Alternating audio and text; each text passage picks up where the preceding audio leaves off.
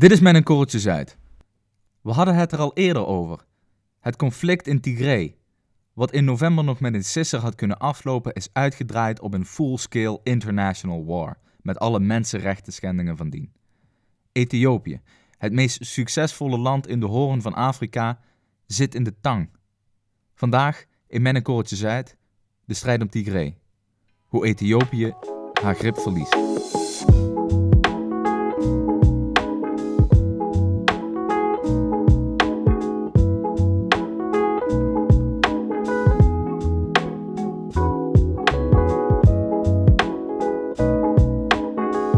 Jij weet iets meer over wat er nou precies aan de hand is in Ethiopië. Kun je dat eens uitleggen? Uh, ik ga het proberen in ieder geval. Maar ja, je kan jezelf ook afvragen wat er niet aan de hand is in Ethiopië. Uh, zeg ik lachend, maar dat is natuurlijk niet uh, zo heel erg lachen. om te beginnen natuurlijk dat conflict in de Tigray-regio. Kijk, de reden waarom wij dit doen is denk ik ook omdat het een beetje flauw is om zo'n conflict vijf minuten aan te stippen in een, in een klein rubriekje in je podcast en dan vervolgens te zeggen, nou, we kijken wel wat er gebeurt en je laat het dan links liggen. Dat is eigenlijk meer de taak voor BNR Nieuwsradio, de Volkskrant en uh, weet ik het wat. Mensen die wat dichter op het, het nieuws Het vluchtige nieuws uh, van vandaag is morgen niet meer belangrijk. Juist, en het heeft natuurlijk ook uh, ja, mee te maken dat mensen er niet bepaald op zitten te wachten om iedere dag in de Volkskrant te lezen over eh, obscure conflicten in uh, Centraal en in dit geval Oost-Afrika. Omdat dan op een gegeven moment ook niemand newsworthy is. Dus ja, mhm. dan gaan mensen daar niet meer op in. Maar goed, we zijn dus terug bij dat uh, Tigray-conflict. Omdat dat nu ook al een tijdje speelt. En omdat dat toch niet is ingedamd op de manier zoals wij misschien hebben voorspeld dat dat zou indammen. Dit, dit is eigenlijk ontwikkeld tot een, ehm, in een ramp. Uh, maar goed, even de geschiedenis van, van het conflict. In Ethiopië is er een oorlog gaande in het Tigray-gebied tussen de TPLF.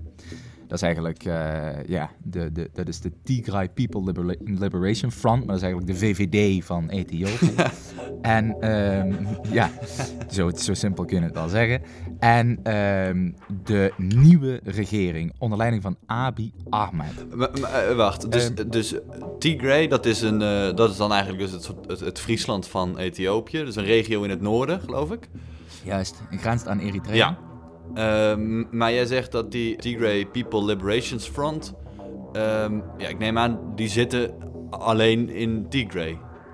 Nou, nee, die, die waren dus onderdeel van een. Uh, ja, goed, dat, die, die, komen natuurlijk uit die regio, ja. Maar die waren wel onderdeel van uh, de coalitie. Ah, um, ja.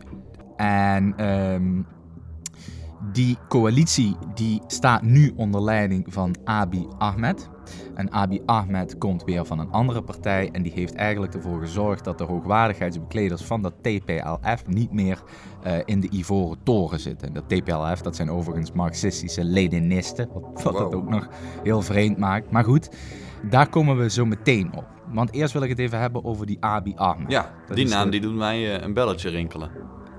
Ja, want? Nou, die heeft de uh, Nobelprijs voor de Vrede gewonnen als ik het uh, goed... Ja, inderdaad, ja. Jonge president van uh, Ethiopië, die heeft in 2019 de, model, de Nobelprijs voor de Vrede gekregen. vind ik dan meteen alweer raar, want hij is natuurlijk... zijn tegenstanders zeggen van hem dat hij kinderen bestookt met hellevuur. Wauw. Maar hij um, won die prijs omdat hij vrede met Eritrea heeft gesloten. Juist. Dus Ethiopië is heel lang in conflict geweest met het, haar noordelijke buurland Eritrea. En goed, hij is toen hij aan de macht kwam, heeft hij een deal onderhandeld en een vredesverdrag. En dat is de reden dat hij die Nobelprijs heeft gekregen. Met nog een aantal andere zaken waar we zo meteen op kunnen terugkomen. Maar goed, die Abiy Ahmed, dat is een uh, jonge vent. Die is uh, geboren in centraal Ethiopië met een islamitische vader en een christelijke moeder. Die is ja, politiek geëngageerd geraakt op zijn, op zijn achttiende, geloof ik, heel jong.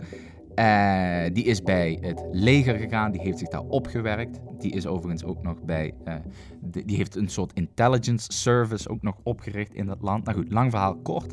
Hij heeft zich in de, in de schijnwerpers weten te, te werken en hij is sinds 2018 uh, de president van de, toen nog, let wel, snelst of één van de snelst groeiende economieën ter wereld, hè, Ethiopië. Want ik denk dat Ethiopië bij uitstek een land is waar uh, wij misschien uh, op de basisschool nog heel erg veel flauwe grapjes over gemaakt hebben.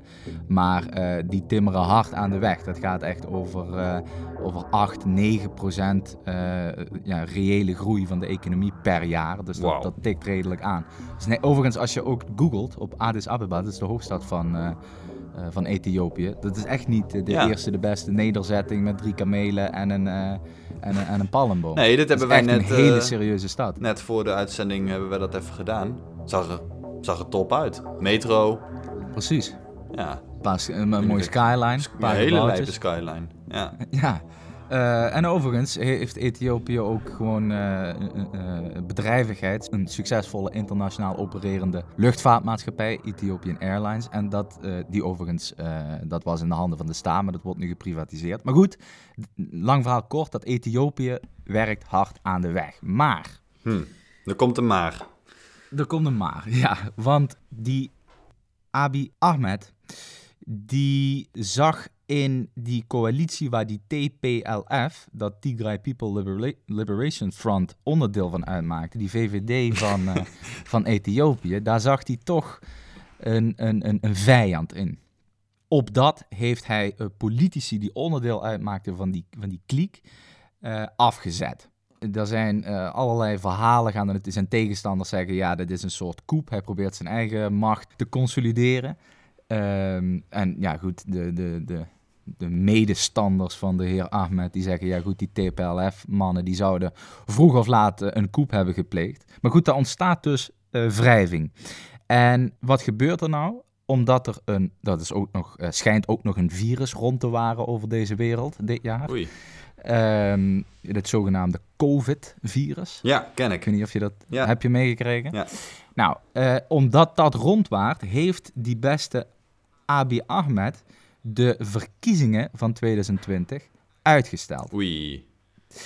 En dat werd dan vervolgens weer door die TPLF-coalitie geïnterpreteerd als zijnde een poging om uh, ja, nog verder de macht naar zich toe te trekken. En die hebben gezegd, uh, beste meneer Abiy Ahmed, die kan doen wat hij wil, maar uh, wij gaan gewoon lekker die verkiezingen doen. En dan zien we wel wat er gebeurt. Mm. En dat is dan vervolgens weer in het verkeerde keelgat geschoten van de president. Die heeft uh, de TPLF er ook nog van beschuldigd dat ze een militaire basis hebben aangevallen. En dat is het moment geweest waarop hij heeft gezegd: dit gaan we niet langer pikken. We vallen die, die Tigray-regio binnen. En dit is dan ook het punt waarmee ze verschillen van de VVD dit is, ja, dit is eigenlijk het punt. Uh, dit is eigenlijk het grootste verschil met de VVD. Ja, nee, tot, tot dusver leek het allemaal één op één, maar hier zie ik wel een duidelijk verschil. Ja, ja. En daar zei hij overigens, uh, over dat motto, heeft hij nog een Engelse speech gegeven en daar zei hij nog het volgende over.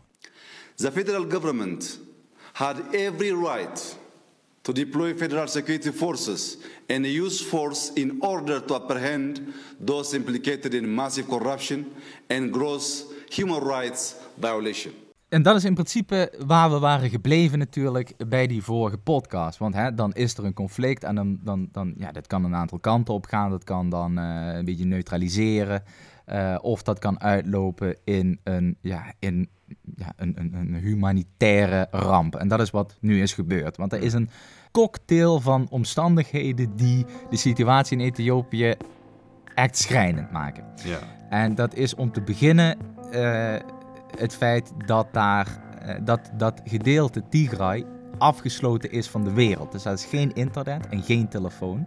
Hmm. Uh, overigens iets wat vaker voorkomt in Ethiopië. Want, en dat is niet gek, want die Abiy Ahmed die is eigenlijk een soort intelligence officer. En die heeft een, een instituut opgezet die internet controleert en, en vaak ook ah. afsluit. Dus het afsluiten van internet is iets waar die jongen bij wijze van spreken mee is groot geworden. Maar goed, in dat gebied is dus geen fatsoenlijke uh, journalistiek meer uh, aan de hand. Dus daar zitten geen uh, of weinig mensen die kunnen delen wat daar gebeurt met de buitenwereld. En dat zorgt dat dat toch, ja, de Engelsen noemen dat heel mooi, atrocities uh, kunnen plaatsvinden. En dat komt dan vaak in de vorm van het seksueel mishandelen van vrouwen, het afmaken van uh, burgers.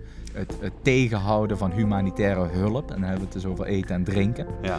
Uh, want het is daar warm in Ethiopië. Het is een Sahelgebied, daar is weinig te drinken. En het is geloof ik ook, een, het is echt een onherbergzaam gebied. Dus het is niet Inderdaad. zomaar een vlakte, het is echt bergachtig, moeilijk begaanbaar, lastige weersomstandigheden.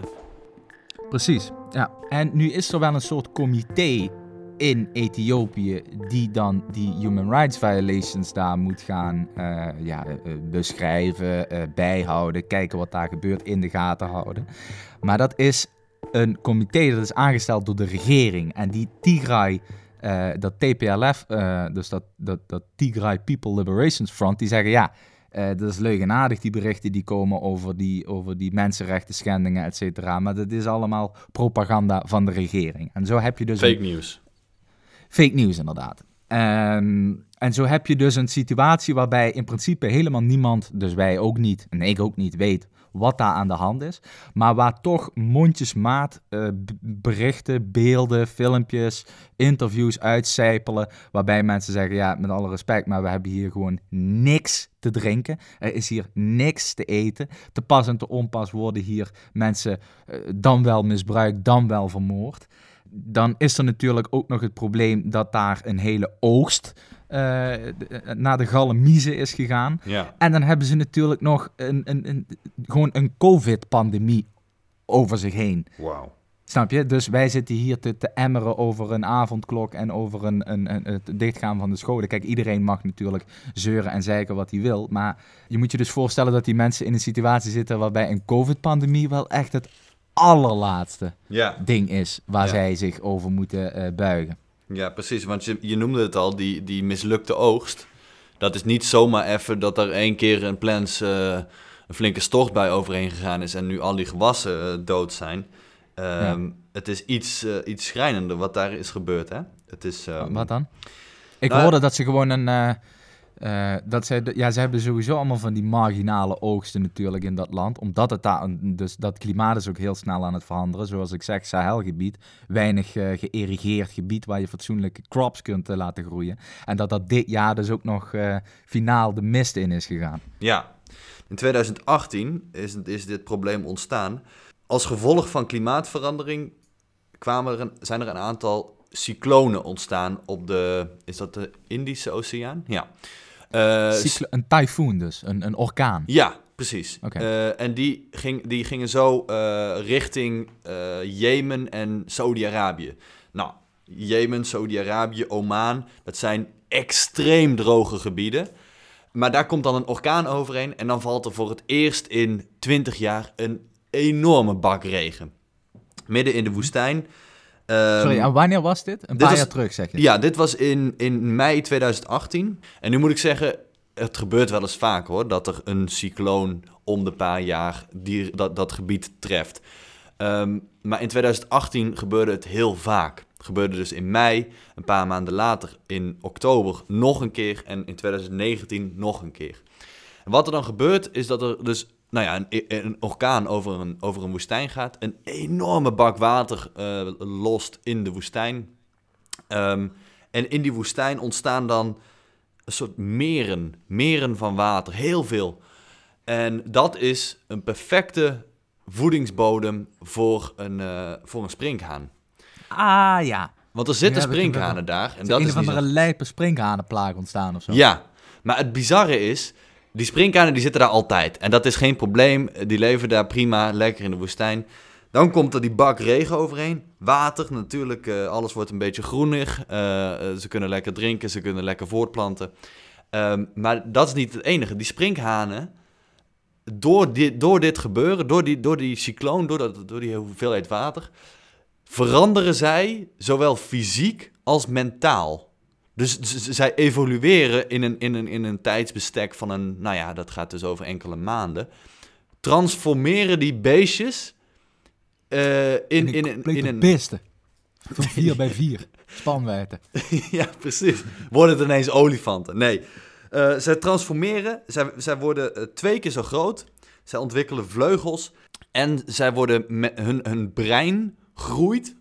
En daardoor worden zij veel... Um, eh, veel meer eager om, om, om, ja, om, dingen te gaan eten. Om, om, ja, ze willen gewoon heel veel gaan eten. Daar komt het eigenlijk op neer. En heel veel. Vraatzucht. Vraatzucht. Nou, dat, eh, dat gebeurde dus. Dus Die, die beesten worden groter, die worden, die worden vraatzuchtiger, die planten zich voort. En dat, dan krijg je exponentiële groei. Nou, we hebben allemaal in 2020 wel geleerd wat exponentiële groei betekent. Die beesten die kwamen er in de miljoenen, miljarden. En die gaan zo, eh, die ontwikkelen vleugels en die vliegen met de wind mee. En dan gaan komen ze dus terecht aan de andere kant van het water in Ethiopië, in Somalië, Kenia. Vaak zijn het zwermen van 150 miljoen van die sprinkhanen. En die kunnen in een dag evenveel voedsel eten als, eh, als 36.000 mensen. Dus een heel dorp per dag. Hè? En dan hebben we het over één zwerm van 150 miljoen. Er zijn honderden zwermen van die, van die eh, beesten. En die vliegen dus ja, eh, door, en voornamelijk door Ethiopië en, eh, en Tigray. Dus heel die oogst is daar vernietigd. Ah, dus dat verklaart dan ook meteen waarom ze die binnenlandse voedseltekorten hebben. Eh, eh, dat zou natuurlijk ja, geen, of in ieder geval een beperkt probleem zijn als je gewoon toevoer zou kunnen leveren. Hè, ik bedoel, als je gewoon eh, toevoer had van eh, ja, humanitaire hulp. Het zij eh, Europese humanitaire hulp of gewoon hulp vanuit eh, Sudan, het buurland. Overigens het land waar de, waar de meeste bewoners die ontheemd zijn naartoe vluchten. Dus dan, ik zei dat, we zeiden dat in de vorige podcast ook, maar ik moet je dus even nagaan dat het land waar je naartoe vlucht is Sudan. Ja, Hè? Wat zelf ook al niet fantastisch is. nee. Dus dan, dan is de situatie schrijnend. Maar ik denk dus dat, ja goed, dat Ethiopië, zoals ik in het begin al aangaf, dat is eigenlijk een land met heel veel perspectief. Met een goed groeiende economie en met een, met gewoon het, een, een, dat- het is een land wat echt in die Afrikaanse boost meegaat, weet je wel. Wat echt wat opkomt. En dit lijkt nu, dit conflict lijkt nu daar professioneel eh eh, roet in te gooien, in dat eten. Want Nee. ja, dit, dit zorgt er natuurlijk voor dat je gewoon een setback hebt van weet ik veel hoeveel tig jaar. In ieder geval daar in die, in die Tigray region. Ja. En het zou al helpen als je daar fatsoenlijk verslag van kunt doen. Want dan kun je de hele wereld laten weten wat er aan de hand is. En dan zou je dus links en rechts nog wat druk kunnen uitoefenen, et cetera. Maar als zo'n conflict is afgesloten van eh, de dagelijkse realiteit van de mensen die daar iets aan kunnen veranderen. Ja, dan wordt het wel heel moeilijk om daar echt, echt in te grijpen. Het probleem is volgens mij ook dat het, eh, dus los van de, de, de logistiek en, de, en het gebrek aan internet, is het ook gewoon echt veel en veel te gevaarlijk om daar eh, als jour- journalist naartoe te gaan op dit moment. Ja, dat, dat zeggen ze altijd. Maar is dat wel zo? Want er zijn toch gewoon mensen van Al Jazeera en van Reuters die dat toch ook gewoon hun werk moeten doen? Of, eh, ja, nee, die zijn er dus Die blijkbaar zijn er niet. dus niet, ja, want die zeggen, de, ho eens even, ik heb thuis ook een gezin zitten, ik ga daar niet naartoe.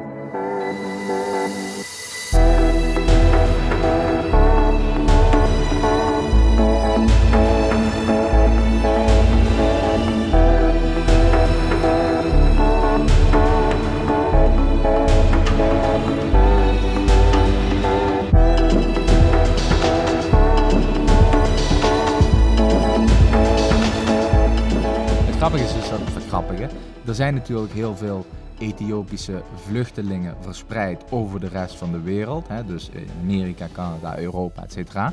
Of Ja. de rest van Afrika ook. En die trokken dus de laatste jaren allemaal terug naar Ethiopië. Ja, omdat het daar top. Ja, die dachten, hè, dit is fantastisch. Iedereen wil zijn, wil zijn graan weer meepikken.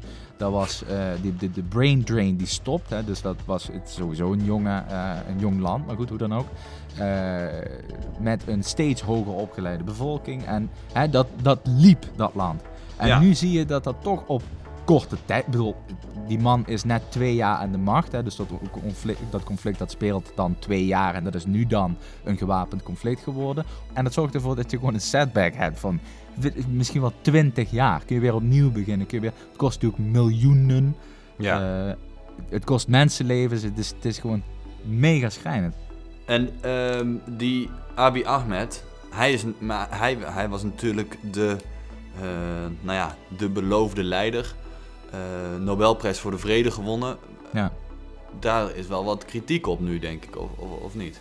Wat, op het feit dat hij die Nobelprijs heeft gewonnen? Ja, Ja, je kunt je natuurlijk voorstellen dat de tegenstanders van eh, die Abiy Ahmed het niet eens zijn met het feit dat hij de Nobelprijs voor de Vrede heeft gekregen. En de voorstanders zijn het daar wel mee eens. Overigens, die Nobelprijs voor de, voor de Vrede, eh, ze willen daar nu ook...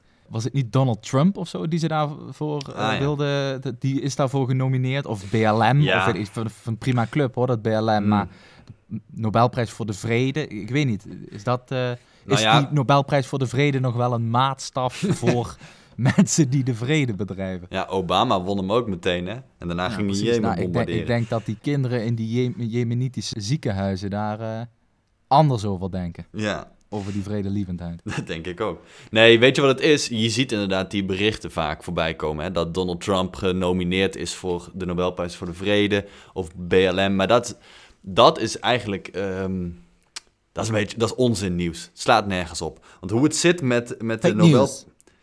Ja, je zou het eigenlijk... Ja, Ja, ben ik fake voorstander van. Nee, in de, in de harde waarheid niet.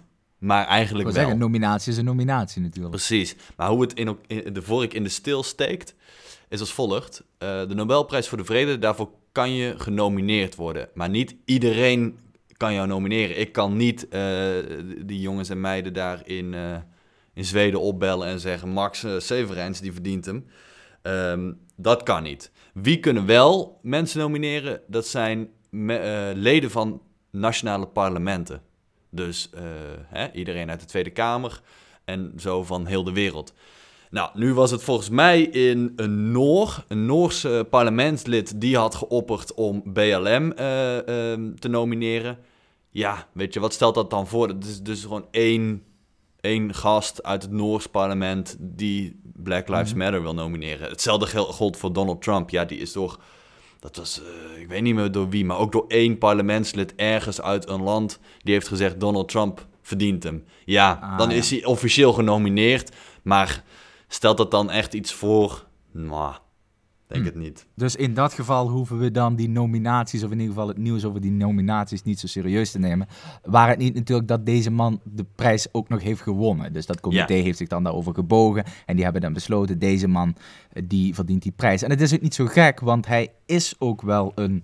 ehm, ja, hij is ook wel een, een, een... Hij past binnen een progressief plaatje natuurlijk. Hij wil van Ethiopië ook weer een land maken dat fatsoenlijk meedraait in de wereldeconomie. Zoals ik zeg, hè, dus hij, hij, hij privatiseert eh, staatsbedrijven. Mhm. Hij laat allerlei politieke gevangenen vrij. En dat zijn natuurlijk wel vaak eh, politieke dissidenten van zijn eigen club. Ehm, hij eh, is natuurlijk een voorstander van de eh, vrije democratische verkiezingen, hetgeen ook niet onbelangrijk is. Goed, dus er zijn allerlei zaken die toch doen vermoeden dat die man het beste voor heeft met zijn land, met zijn volk en met zijn, ja goed, met zijn, met zijn natie. Nou ja, denk jij dan dat hij het gewoon politiek onhandig heeft gespeeld door die verkiezingen uit te stellen als gevolg van eh, de, de coronacrisis? Nou, daar, dat, denk lijkt een beetje de katalysator te zijn geweest hier. Ja, maar is, is dat niet eh, ook gewoon een momentum geweest wat dan de militante tak van zo'n Tigray Liberation Front dan aangrijpt om een soort eh coup te plegen, of in ieder geval het militante gedeelte van die... Mhm. eh, eh, van dat, want natuurlijk, al die mensen wat daarin zitten, of een groot gedeelte van de mensen die daarin zitten, dat zijn de voormalige leiders en kabinetsleden van Ethiopië. Dus die, eh, ja, wat dat betreft, eh, ze, ze lijken ze dan wel weer op de VVD. Die proberen er toch alles aan te doen om hun, hun macht in ieder geval te consolideren. En als het even kan, te, te, te- uit te breiden. Overigens is ook maar de, de vraag of zij inderdaad zo'n militaire basis hebben aangevallen. Of of dat dan eh, ja, een soort truc is van die Abiy Ahmad om de, om de publieke opinie te beïnvloeden. Snap je wat ik bedoel? Dus het ja, is, dan krijg je dus weer het fake news verhaal. Precies, en het is niet zo dat dat nou eh, de, de best verslagen ehm, eh, politiek is ter wereld. Kijk, we weten allemaal wat er gebeurt als Johnson weer iets heeft gezegd, of als Merkel weer is gestruikeld, Mhm. of eh, eh, eh, Mark Rutte die heeft drie paracetamols te veel gehad. Dan zien we dat allemaal meteen. Maar dat zijn toch de wat obscuurdere hoeken van de internationale politiek. Tuurlijk, Al Jazeera of zo, dat soort eh, dat soort eh, media, die zitten daar natuurlijk wel met genoeg mensen om daar fatsoenlijk verslag Ja. van te doen. Maar wie leest Al Jazeera? Snap ja. je? Dit is helemaal Nou, geen het- topic. Nee, oké. Ja. Hier, hè? Hier, ik heb het over Ja. hier. Kijk, wij Ja. lezen dan wel eens... eh wij hebben dan zo'n Al Jazeera-app op onze telefoon... maar wij slaan ook niet eh, eh, ja, wij, wij staan ook niet iedere dag te, te popelen om weer iets te lezen over eh Tigray in dit geval. Snap je wat ik bedoel? Ja, ja, ja. ja. Hey, en die, die, die Tigray People's Liberation Front, die streven naar, uiteindelijk naar de onafhankelijkheid van Tigray? Ja, dat is een goede vraag. Dat is natuurlijk niet overduidelijk wat zij willen. Maar ik, ik denk niet dat zij onafhankelijkheid voor Tigray of zo willen. Ik denk dat zij gewoon weer eh, ja, onderdeel uit willen maken van de macht van Ethiopië. Zij willen gewoon niet opzij gezet worden door zo iemand als, eh, als eh, Abiy Ahmed. En zij willen gewoon daar blijven zitten waar ze zitten. Ja, want zij zijn natuurlijk toch wel de afgelopen decennia het, het, het gemarginaliseerde deel van de Ethiopische bevolking. Ja, en misschien precies. dat ze nu toch zagen, nou, die economie die, die, die gaat als een raket omhoog. Mhm. Daar moeten ja, wij en- ook en- de vruchten van plukken. Ja, tuurlijk. En, maar goed, zij maken ook gewoon deel uit van de Ethiopische regering. En dat willen ze waarschijnlijk graag zo houden. Maar ik hoorde dus dat als je zo'n sprinkhanenplaag... En dat is natuurlijk weer een beetje off-topic... Maar als je zo'n sprinkhanenplaag niet tegenhoudt daar waar het ontstaat... Dan kun je echt een ziek... Dan kunnen zelfs in Europa... Ja, Kunnen gewoon gewassen eh, weggegeten gaan worden. En zelfs Noord-Amerika, weet ik. Dit kan echt ziek eh, Ja. grote invloeden hebben op de voedselvoorziening. ja, deze plaag ook, want dit was echt de insectenplaag van 2019, 2020. Ehm, ja, die beesten zijn aangetroffen ook in Zuid-Amerika, geloof ik. Want die, die gaan natuurlijk in vrachtschepen zitten. Die gaan in vliegtuigen, eh, laadruimtes verstoppen ze zich. Die gaan overal zitten. En riksha's, Riksha's rijden ze zo de wereld rond. toek-toeks.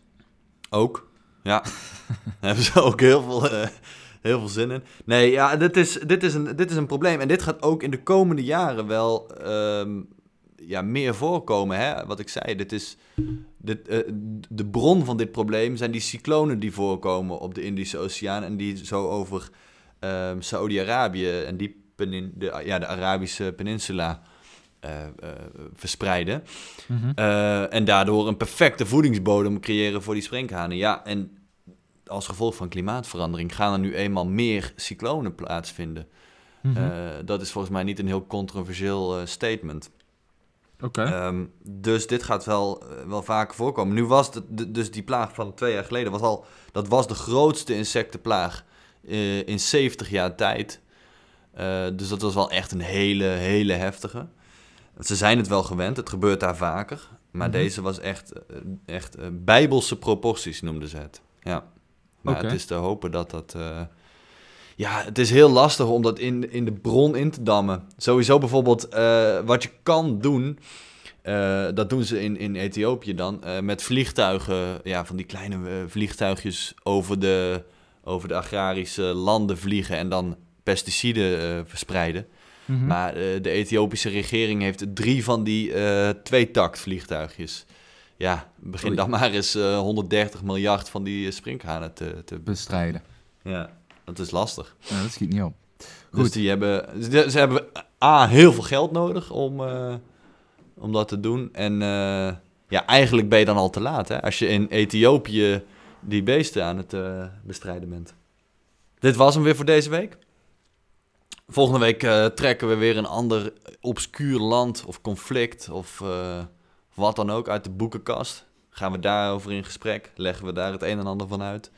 Eh, vind je dit top? Abonneer dan even op onze podcast. Dat eh, kan gewoon op Spotify of welke podcast-app je ook gebruikt. Volg ons ook even op Instagram. Daar zijn we ook te vinden. En als je ons echt top vindt, ga dan even naar www.patje.af slash korreltjesuit. En dan eh, kun je lid worden. Fantastisch. Dames en heren, dankjewel.